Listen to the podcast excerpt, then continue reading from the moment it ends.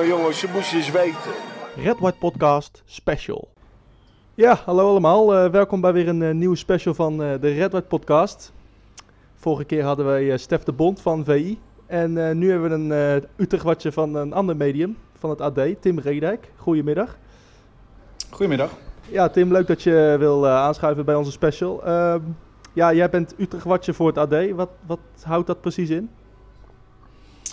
Ja, eigenlijk, uh, eigenlijk wat, het, uh, wat het woord al zegt. Hè. Ik ben uh, nou ja, sinds Art Schouten, mijn voorganger die de meeste van deze luisteraars waarschijnlijk ook wel kent, ja. heeft besloten om, om naar de regioredactie te stappen, heb ik zijn, zijn rol eigenlijk overgenomen. Ehm, wat inhoudt dat, je, dat je eigenlijk bovenop FC Utrecht zit. En dat, dat gaat eigenlijk heel breed. Het gaat van, van alle wedstrijden bezoeken tot aan nou ja, de transfers, de transferperiodes natuurlijk. Um, uh, je, schrijft, je schrijft sowieso vier, vijf verhalen per week voor de krant over Utrecht. Deels landelijk, deels uh, voor de regio. En daar komt natuurlijk nog veel meer bij kijken met de website, maar ook, maar ook video-items. Dus je zou zeggen, soms vragen mensen me wel eens van, zit daar een week werk in? Nou, dat zit er, zeker als je dan ook nog een paar redactiediensten erbij hebt en dat soort dingen. Daar zit wel een week werk in, kan ik je vertellen. Dus ja. Ja, het klinkt inderdaad als een, als een drukke baan. Uh, nou, vooral dit seizoen. Uh, dat is natuurlijk, uh, er is natuurlijk veel gebeurd, vooral in het begin. met het ontslag van Jean-Paul de Jong en, en, de aanstelling van Dick Advocaat. Ja. Hoe heb jij die periode meegemaakt? Had jij het een beetje zien aanzien, aanzien komen? Of ehm, merkte je al dat er wat, ja, dat er wat onrust gaande was in, in het Utrechtkamp? Nou, kijk, die onrust dat was op zich niks nieuws. Alleen ik moet zeggen, ook voor mij was het, uh, de timing van het ontslag was best opvallend. Uh, tuurlijk hield ik er rekening mee dat het kon gaan gebeuren, want die start was stroef, dat zag iedereen. Uh, er waren wat dingen intern die, die speelden. Ja, kijk, en dat ziet iedereen aankomen, zeker als je een club volgt. Alleen na vier wedstrijden, dat is natuurlijk, ja, dat moet ik heel eerlijk bekennen, dat was, kwam voor mij ook compleet uit de lucht vallen. Anderzijds, als je dan, als de stofwolk een beetje opgetrokken en je kijkt, je kijkt naar de situatie, dan denk je ook van ja, het is ook niet onlogisch, want volgens mij had dit niet heel veel langer op deze manier kunnen doorgaan. Nee, en, en nu is dus de advocaat, die is nu trainer. Wat is er in die tijd dat advocaat, in de korte tijd dat advocaat nu trainer van Utrecht is, uh, wat heb jij zien veranderen binnen de club, binnen de staf, de trainingen? Kan je een paar dingen opnoemen? Ja, er zijn natuurlijk wel, wel wat dingen veranderd. Allereerst in het persbeleid. ik moet zeggen, onder, onder Jean-Paul de Jong was het allemaal iets makkelijker. Advocaat zit er wat, zit er wat dichter op. Wil ook gewoon dat alle media op hetzelfde moment komen. Nou, onder de Jong was het, was het, die gaf gerust vijf interviews op zo'n vrijdag voor, voor het weekend. Maar goed, dat is meer een dingetje voor mij persoonlijk. Wat je natuurlijk bij de club zelf ziet veranderen zijn. Je ziet op training al heel veel andere dingen. Het is natuurlijk ook heel logisch omdat de advocaat wel heel nadrukkelijk op het veld is. En de Jong vanuit zijn rol in de tijd uh, dat niet was, waardoor Dijkhuis en Kruis eigenlijk uh, nou ja, alles bepaalden op het trainingsveld. Of tenminste de uitvoering van, van, van wat FC Utrecht wilde, wilde doen op het trainingsveld.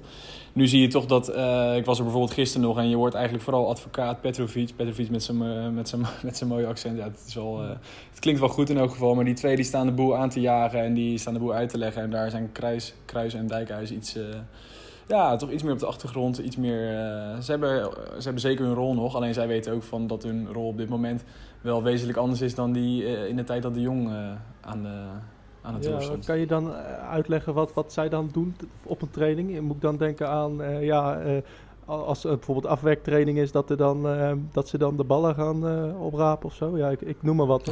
nee.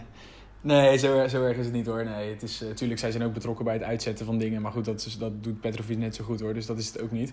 Alleen je merkt meer dat in de, in de coaching, daar is duidelijk meer een rol voor advocaten en Petrovic weggelegd. Dus um, advocaten sowieso constant bij partijspel alleen maar aan het roepen, aan het schreeuwen. En uh, mensen aan het wijzen op dingen die ze goed en fout doen. Die hoor je de meeste uh, uiteenlopende dingen schreeuwen. Van wereldbal tot aan kutpaas, weet je wel. Zo, uh, ja. zo gaat dat op zijn op zijn Haags. en, en Petrovic hetzelfde. Alleen dat doen Kruis en Dijkhuizen ook wel hoor. Alleen merk je dat die gewoon dat die wat, ja, wat rustiger zijn. Wat, wat minder zich daarmee bemoeien. En wat meer op nou ja, bijvoorbeeld individuele gesprekken. Zo zie je wel eens afwerkoefeningen dat, waar Dijkhuizen dan weer erg bij betrokken is. En dat is natuurlijk ook wat advocaat zei bij, bij zijn aanstelling. Um, dat, dat, de, dat, dat zij met al die assistent-trainers ook uh, wat specifiekere rollen zullen krijgen. Dus Dijkhuizen bijvoorbeeld meer gericht op de spits, omdat hij vroeger een spits is geweest. En uh, ja, dat zie je toch wel heel erg terug. Uh, Dick Advocaat debuteerde als coach van Utrecht tegen, tegen Feyenoord. En begon met een, met een 4-3-3 die wedstrijd. Eigenlijk is hij die, direct na die wedstrijd meteen afgestapt van dit systeem. Ehm, ja, kon, je, kon je dat verklaren? Ja, nou, uh, het was in die zin opvallend. Bij zijn presentatie zei hij natuurlijk gelijk van dat hij niet begreep waarom er bij Utrecht uh, geen spits in de spits speelde. Want dat was die wedstrijd ervoor speelde, geloof ik. Nou ja, in elk geval met, uh, met alleen maar middenvelders voorin en, en geen, geen pure spitsen. Nou ja, dat, dat wilde hij eigenlijk aanpakken. Uh, met een 4-3 met Dessers voorin. Nou ja, dat is natuurlijk gewoon uiteindelijk gebleken dat dat niet voldeed. Want zo simpel is het. Kijk, als Dessers de, die drie, twee, drie wedstrijden dat hij in de basis speelde... zich dermate had laten gelden... dan had, ik, dan had advocaat denk ik ook niet afgestapt van het systeem. Maar ik denk dat advocaat ook heeft gezien dat... Dat Dessers in, zijn, in het positiespel uh, toch moeite heeft om mee te komen. Dat, dat zag je ook tegen MVV bijvoorbeeld. Dan denk je dat is een ideale wedstrijd om nou ja, in die formatie om je te laten gelden. Ik bedoel, hij maakt, natuurlijk, hij maakt die penalty goed af. Alleen je ziet dat hij voetballen toch ja, ja, in die zin in die twee wedstrijden tekort kwam. En, en dat de advocaat dus het nodig vond om terug te schakelen. Want achter Dessus heeft hij volgens mij niet iemand klaarstaan waarvan hij vindt dat hij er klaar voor is om op nummer 9 te spelen in een 4-3-3 systeem.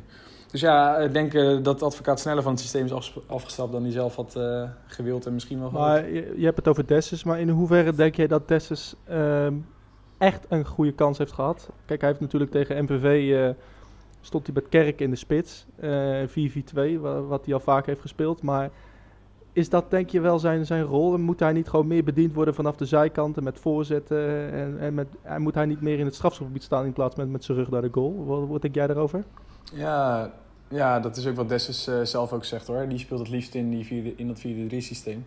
Dat ligt hem het beste met aanvoer vanaf de zijkanten. Want hij, zijn uh, gevaar is, is, natuurlijk gewoon in het 16 meter gebied. Dat heeft hij bijvoorbeeld vorig jaar best een aantal keer laten zien vanuit invalbeurten uh, vooral.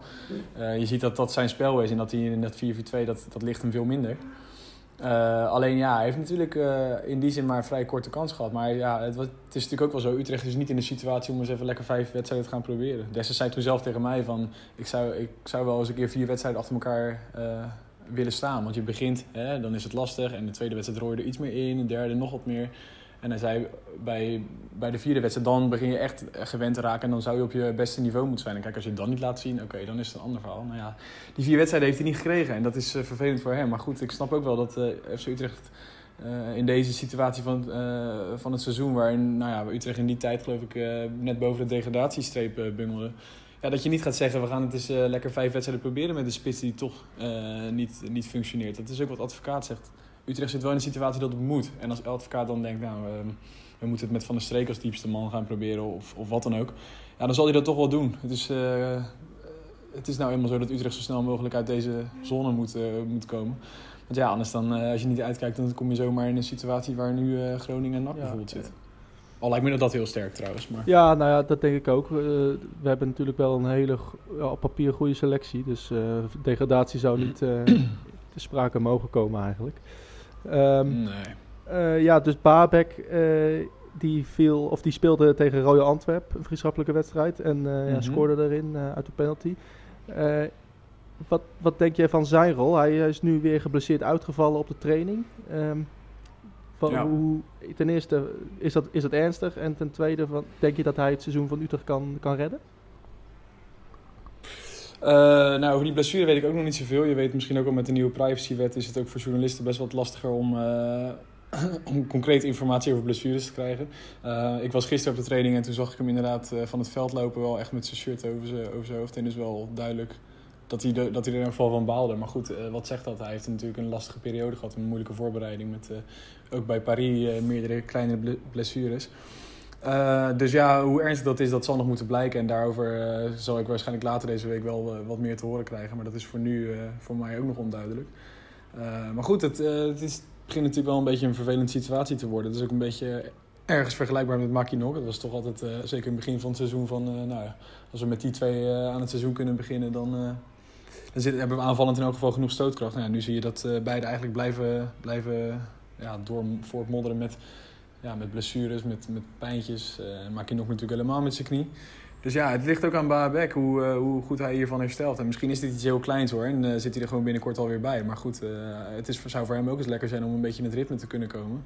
Want ik denk dat hij wel een speler zou kunnen zijn die, we hebben natuurlijk allemaal nog maar zo kort gezien, ook vorig jaar. En daar liet hij wel een goede indruk achter. Maar ja, wat zegt dat in, in die paar wedstrijden dat hij gespeeld heeft? dus het is wat, wat mij betreft echt afwachten. Als hij natuurlijk, uh, als dit niks blijkt te zijn en hij kan zich langzaamaan met invalbeurten weer gaan, uh, nou ja, gaan toewerken naar een basisplaats. Ja, dan denk ik dat hij een toegevoegde waarde is. Maar ja, goed, dat uh, dachten we natuurlijk ook allemaal van Makinok. En die, en die speelde dan tegen Emmen viel die in. To, to, geloof toen ze met 10 man stonden al. Ja, en dan, dan komt hij natuurlijk helemaal niet in zijn spel. En toen werd hij vervolgens op, op de maandag bij, bij voetbal Veronica in site werd hij afgekraakt. En dan krijg je zomaar ineens weer het beeld van die Makinok, misschien wordt het hem toch wel niet. En dan denk ik, ja, ik vind het allemaal nog een beetje, een beetje opportun. En het zou voor, beide, voor die beide jongens eens goed zijn om langere periode de kans te krijgen. Of in elk geval fit genoeg te zijn om überhaupt een kans te krijgen. Want dat is volgens mij nu wat al, uh, nou ja, al anderhalf seizoen aan, de, aan de gang is met die twee. Want komende week, of uh, komende zaterdag, speelt Utrecht tegen AZ. Een hele belangrijke wedstrijd eigenlijk. Mm -hmm. is, dat, is dat volgens jou ja. echt een testcase voor dit team van hey, waar staan wij nou uh, met dit team?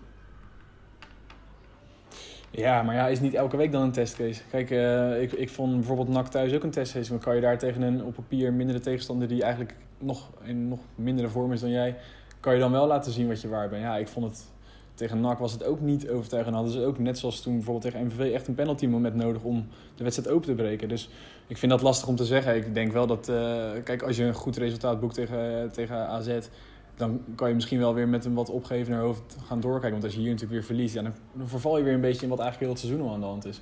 Dus Utrecht zou zo'n resultaat tegen AZ natuurlijk geweldig goed kunnen gebruiken. Alleen, uh, ja, het is in die zin wel echt een testcase. Want AZ uh, heeft, ja, hij is ook niet, hij is niet zo goed als vorig jaar. Maar hij heeft natuurlijk wel bijvoorbeeld op het middenveld een paar spelers lopen dat je denkt, ja... Uh, dat lijkt me op dit moment lijkt me dat beter in elkaar te zitten dan, dan Utrecht. Dus. Maar goed, het is in de galgenwaard. En ehm, kijk, als dit team langzaamaan iets meer, hè, iets meer iets doortastender wordt. Je zag het ook tegen NAC. In de eerste helft hebben ze constant de bal. Maar die ene steekpas, die, dat, die ene kans die ze creëren, ja, die komt er maar niet. Het lijkt wel alsof ze die eerste helft, als die drie uur had geduurd, dat, dat het zo had gebleven. En dan is het dat Gustafsson zich slim laat vallen. Want dat is het, dat heeft Kuipers nu natuurlijk ook toegegeven. Hij heeft zich gewoon laten vallen. Uh, waardoor je zo'n wedstrijd openbreekt. Dus het moet ook een beetje met geluk, uh, van geluk afhangen. Maar je, je ziet wel dat bij Utrecht nog echt iets mist van creativiteit. Of iets dat iemand die een wedstrijd kan openbreken. Dat, uh, ja, dat ontbreekt er nog wel vaak aan, vind ik zelf. Ja, eigenlijk een beetje waar Gustafsson zou voor zou moeten zorgen. En wat hij dan eigenlijk ook tegen NAC deed. Ja. Maar nog dit seizoen veel te weinig. Ja, vind ik wel. Ik heb, uh, denk dat Gustafsson, uh, zeker als ik bijvoorbeeld met, met Jordi Zuidam praat, die is echt binnengehaald als de speler die, uh, die Labiat qua, ook qua hè, rendement zou moeten opvolgen. Met, want hij heeft bij Roda heeft natuurlijk onwijs goed gedaan vorig jaar. En hij liet bij Feyenoord toen bij Vlagen ook dingen zien. Ik kan hem wel herinneren, een uitwedstrijd bij, bij SC Heerenveen. Ja, kijk, als hij natuurlijk ook maar iets van die vorm kan benaderen, dan is hij voor Utrecht wel een toegevoegde waarde. Met zijn, hij zou inderdaad wel die speler kunnen zijn die die paas geeft. Of die die net dat ene creatieve doet. En dat deed hij dan tegen NAC hè, met dat schot en die penalty. Maar het gaat ook om, om wat daarvoor gebeurt. Hè. Die ene beslissende steekbal, die ene keer dat, dat die kerk uh, goed wegzet, of, of ik zeg maar wat.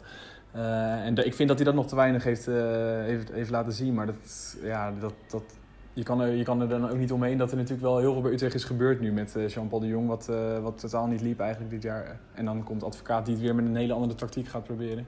Ik heb het wel eens eerder ook in het AD geschreven. Volgens mij, als je Gustafsson nou eens vijf wedstrijden gewoon echt op 10 zet, puur op 10, dan zou hij daar misschien denk ik wel heel erg van opknappen. Want ik, hij zegt zelf van, het maakt me niet zoveel uit waar je me neerzet, maar volgens mij maakt het hem dat helemaal wel uit. Ja, dus jij zegt eigenlijk meer een beetje in een, in een vrije rol. Je ziet hem vooral uh, bij wedstrijden nu eigenlijk vanaf rechts. Mm -hmm. Van een beetje zwervend aan de rechterkant. Uh, ja. ja. een beetje een soort Hakim Ziyech-achtige rol. Um, maar uh, jij zegt gewoon van zet hem op 10. Uh, daar kan hij echt uh, laten zien wat hij waard is. Ja, dat denk ik. Hè. Ik bedoel, tegen NAC dan zie je wel dat hij ook vanuit, vanuit zo'n rol... dat hij, dat, hij best, dat hij best heel beslissend kan zijn. Alleen, ik, ja, volgens mij is iedereen bij mij eens dat hij dit jaar nog niet, nog niet heeft gebracht... wat een echte nummer 10 zou moeten brengen. En, en, maar dat komt ook omdat hij dus ook maar een beetje... ja, hè, hij wordt overal op dat elftal, in dat elftal neergezet. En ook van verschillende formaties ja, volgens mij is hij een ideale team. En uh, als hij daar een beetje in zijn uh, vorm kan komen dat hij, wat hij bij Roda liet zien en wat hij uh, bij Vlagen bij Feyenoord liet zien. Ja, volgens mij is hij dan, dan, dan, denk ik dat het misschien wel de, beste speler van FC Utrecht is. gaan we even naar een andere speler van, van Utrecht. die, nou ja, ook niet helemaal, nog niet helemaal bewijst wat hij eigenlijk zou moeten kunnen, Joris van Overeem. Uh, Mhm. ik, eh, ik heb een seizoenskaart op, eh, op de middenlijn, op, eh, op de Zuidtribune, vak R. En wat mij opvalt bij jong, Joris van Overheem is dat hij eigenlijk een soort controlerende middenvelderpositie inneemt. Terwijl Mhm. ik hem van AZ herinner als juist die diepgaande, diepgaande middenvelder die de ruimtes opzoekt en, en, en ruimtes induikt om, om, om, om goals te maken. Ehm, denk jij dat hij op de verkeerde positie staat, eigenlijk net zoals als Gustafsson? Ja, denk ik wel. Ik heb bij Van Overheem ook het idee dat hij inderdaad, wat jij zegt, hij heeft natuurlijk bij AZ ook nog wel eens aan de linkerflank gespeeld, maar vooral... Kijk, hij is natuurlijk ook gehaald met het idee van, hè, Utrecht speelt al jaren in dit 4-4-2 en die rechterkant die zou vrijkomen dit jaar. Hij is natuurlijk vroeg in het seizoen vastgelegd en daar is natuurlijk ongetwijfeld besproken waar hij ging spelen. Nou, die rechterkant die is hem beloofd, dat kan niet, kan niet anders. Eh, en daar begon hij ook. En dat, eh, dat deed hij volgens mij bij Vlaag ook best goed. En je ziet, ik vind, ik vind persoonlijk dat hij in het centrum, eh, ja, dat dat hij inderdaad niet lekker in zijn spel komt. En hij loopt veel en hij loopt veel dicht. Alleen het is volgens mij niet zijn kwaliteit. Ik vind hem ook niet echt onderscheidend. En dat kan ik niet helemaal los zien van die positie waar hij staat. Want volgens mij is hij aan de rechterkant, of in elk geval inderdaad waar, op posities waar hij de diepte kan zoeken. Dan komt hij veel beter, veel beter tot zijn recht. Dus ja, daar ben ik inderdaad met je eens. Ja, jij zou hem dus eigenlijk meer, ja, dus eigenlijk een linie naar voren zetten. Ja, dat ligt, maar dat ligt natuurlijk ook een beetje aan in wat voor systeem Utrecht naar verder gaat. Want hè, het was heel even 4-3-3, nu is het weer iets anders. Eh, maar goed, voor Van Overheem zou het volgens mij heel goed zijn om, eh, om in elk geval een beetje, een beetje aan de zijkant te spelen. Op plekken waar hij echt waar die inderdaad de diepte kan opzoeken.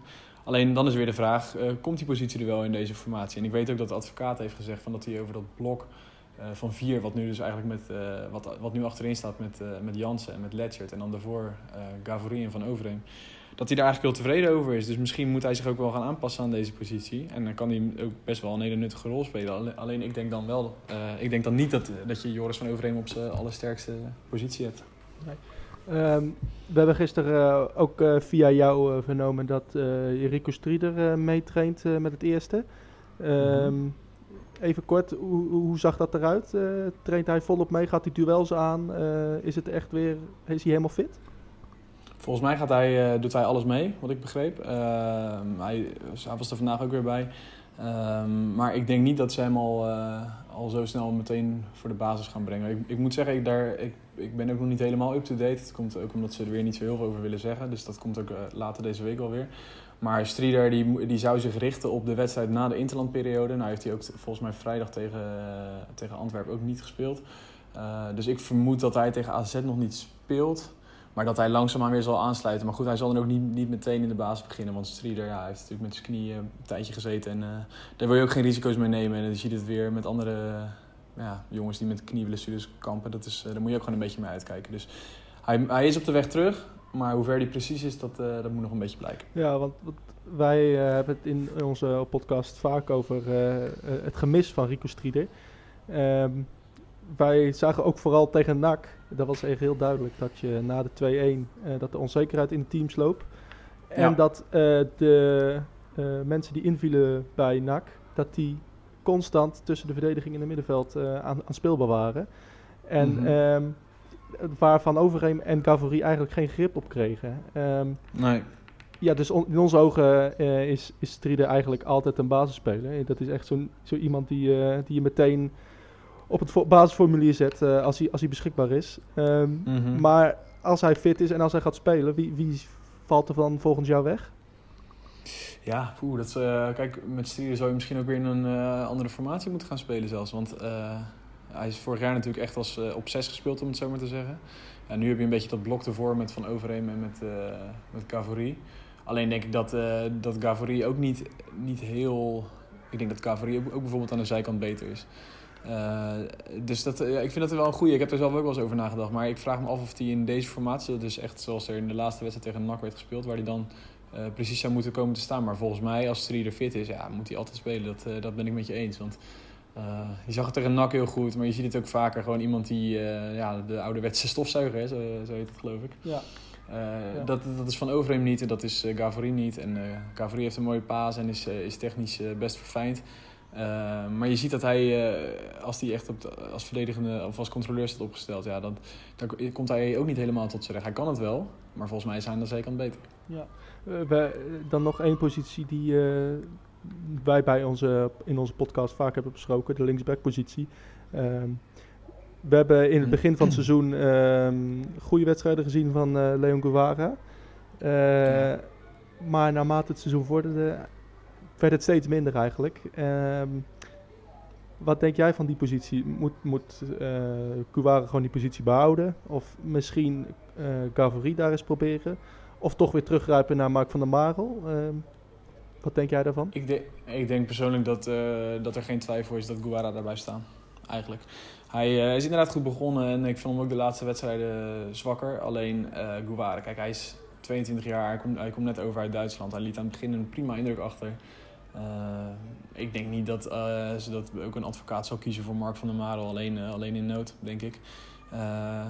En Gavaria, dat, dat, die zou natuurlijk ook nog op het middenveld aan de zijkant kunnen spelen. Dus, maar ik heb wel heel sterk het gevoel dat, dat Kouwara redelijk onomstreden is op die positie. Ja, maar bijvoorbeeld geen, geen de defensieve zekerheid inbouwen met Van der Marel. Maar wat, of, want Kouwara is verdedigend, wat wij denken, is hij, is hij niet heel sterk. En dat is Van der Marel natuurlijk wel. Maar Van der Marel is weer aanvallend wat minder sterk misschien dan, dan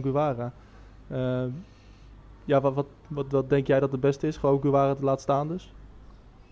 Ik persoonlijk uh, vind van wel, ja. Ik denk dat hij ook nog wel uh, dat hij heeft doorgroeimogelijkheden. En je moet ook beseffen dat ze bij Utrecht gewoon ook heel blij zijn dat ze die jongen überhaupt hebben kunnen halen. Ik, toen ik Zuidam in die tijd sprak, was hij echt in zijn nopjes mee. En hij zei van, ook toen het nog niet rond was, dan zei hij, zei hij letterlijk van Tim, als dit rondkomt, dan slaan we echt een hele grote slag. En um, dat moet altijd maar blijken, want uh, hoe vaak worden er wel niet spelers aangekondigd wat uh, allemaal potentiële sterren zouden moeten zijn. En dan valt het allemaal een beetje tegen. Heb je even? Maar, ja, toch? Ja, nee, daarom. En ook bij Utrecht dit, uh, dit, dit, seizoen heb ik zat namen gelezen die het allemaal zouden moeten, moeten zijn. En dat moet ook allemaal nog maar blijken. Alleen, ja, hij staat er goed op in, in Utrecht. En ehm, ik, ja, ik denk dat hij nu een paar mindere wedstrijden heeft gespeeld ja, wie niet hè, dit seizoen. Dus ik denk dat hij uh, voorlopig uh, nog genoeg krediet heeft op die positie. Alleen ja, hij kan natuurlijk niet te ver in verval blijven. Uh, niet, te, niet te ver in verval raken. Want dan heb je inderdaad een Mark van der Madel die toch een bepaalde defensieve stabiliteit met zich meebrengt. Ja, en vorig jaar heeft hij er ook gewoon zes gemaakt. Dus ja. waarom niet? Ja, kan altijd nog in de spitspositie als het echt nodig is. ja. Hey, Stormram. Um, ja, even korte termijn uh, gooi even aan de kant. Uh, ja, dik advocaat is dus treden. Uh, maar ja, dat is waarschijnlijk maar nou ja, 100% zeker eigenlijk voor één seizoen. Um, mm -hmm.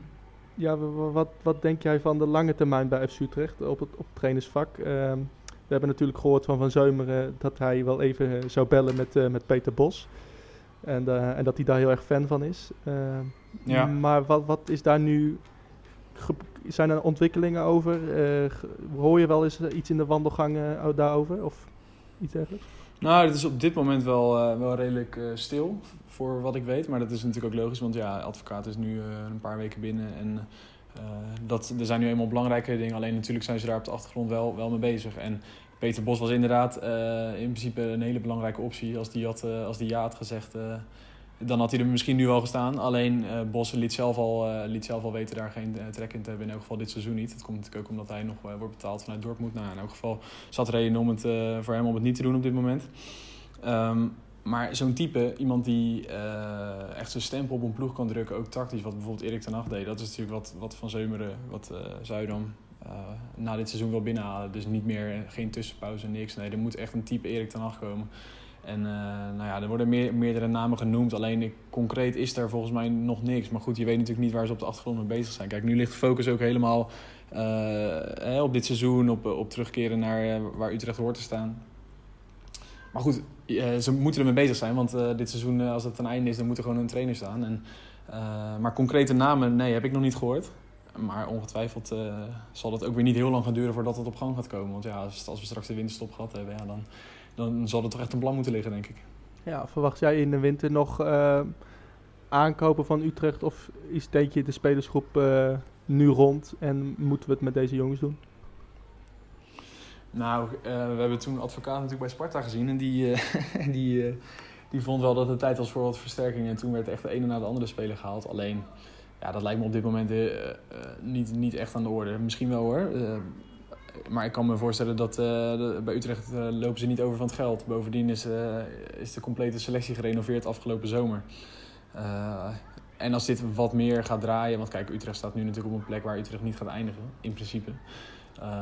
Als dit een beetje aan de praat komt, dan zal, dan zal je ook zien. Kijk, als iedereen fit is, als straks een Baabek fit is, als een Maginok misschien toch een hele nuttige speler blijkt te zijn. En je, dan heb je ineens toch wel een team staan met gewoon op, op meerdere posities gewoon meerdere mogelijkheden. Dus het lijkt mij sterk dat er straks in de, in de winter hele schokkende dingen gaan gebeuren. Maar, ja, je kan, maar het kan ook, je kan het ook andersom bekijken. Stel dat een nou ja, een en een Bergström geblesseerd raken of zo. Ja, dan heb je ineens niet zoveel meer erachter. Uh, je ziet het nu ook met Strieder en uh, controleur ontbreekt er ook wel een beetje aan. Want Gavory en Van Overheem zijn eigenlijk ook geen, geen controleurs. Dus het ligt ook een beetje aan hoe, dat zich ontwikkelt. Uh, maar als dit team fit blijft, dan lijkt het mij heel sterk dat er straks in de winter een enorme volksverhuizing gaat plaatsvinden in, in Utrecht. Dat, dat lijkt me niet. Jij hebt ook wel de indruk dat, dat advocaat blij is met de spelersgroep die hij nu tot, tot zijn beschikking heeft. Dat denk ik wel, ja. ja. Tenminste, zo laat hij het in elk geval. Uh, uh, hij laat wel weten dat hij op, uh, op trainingen ook gewoon tevreden is met wat hij, met wat hij ziet. En kijk, Utrecht heeft natuurlijk ook helemaal geen, geen slechte selectie of wat dan ook. Kijk, die, met de namen die Utrecht op dit moment binnen de selectie heeft, hoor je ook niet op deze positie te staan. En dat ziet de advocaat natuurlijk ook wel. En die zal natuurlijk op training ook soms de individuele kwaliteiten zien van spelers die zich in wedstrijden nog, nog niet elke week laten zien.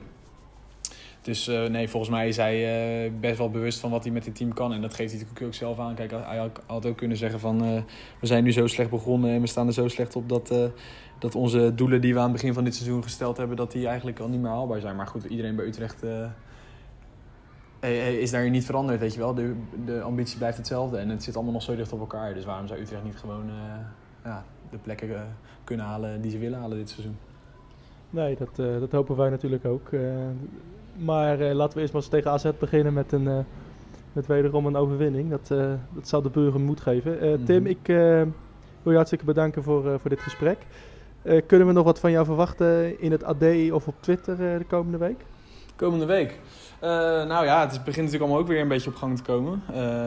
omdat we na de interlandperiode. Dus ik moet het zelf ook allemaal nog een beetje aanzien. Ik ga morgen ook gewoon even kijken bij Guus Die komt, die komt naar Zoudenbalg met, met zijn Chinese Olympische elftal bij Jong. En een vrijdag gaan we weer, uh, gaan we weer voorbeschouwen. En, uh, concrete dingen heb ik dus nog niet. Maar uh, nou ja, het zal altijd interessant blijven. Bijvoorbeeld, waar, waar, is, waar blijft Strieder? Hoe staat hij ervoor? En uh, Baabek, hoe ernstig is het? Dat soort dingen. Dat ben ik wel van plan daar deze week wat meer over te gaan melden.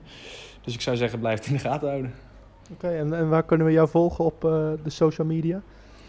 Uh, op Twitter, uh, dat is gewoon uh, Tim Redijk. En verder als je via ad.nl, Sportwereld en Regio Utrecht, daar plemp ik al mijn Utrecht spam op. Dus ook daar ben ik te volgen. Zeker weten. Hey Tim, hartstikke bedankt voor, voor dit gesprek. En ja, wij zijn te volgen ook op social media. Het RW Podcast 030 op Twitter. En ehm, via de mail ook redwhitepodcast.gmail.com. We krijgen de laatste tijd veel uh, mailtjes van, uh, van luisteraars. Waarvoor dank. Die gaan wij ook in de komende week zeker weer, zeker weer bespreken met, met, met dezelfde gasten. Um, Tim, bedankt. En um, we gaan allemaal ja. weer naar Utrecht kijken zaterdag. En aankomende maandag is er weer een nieuwe uitzending van de Red Podcast. Tot volgende week.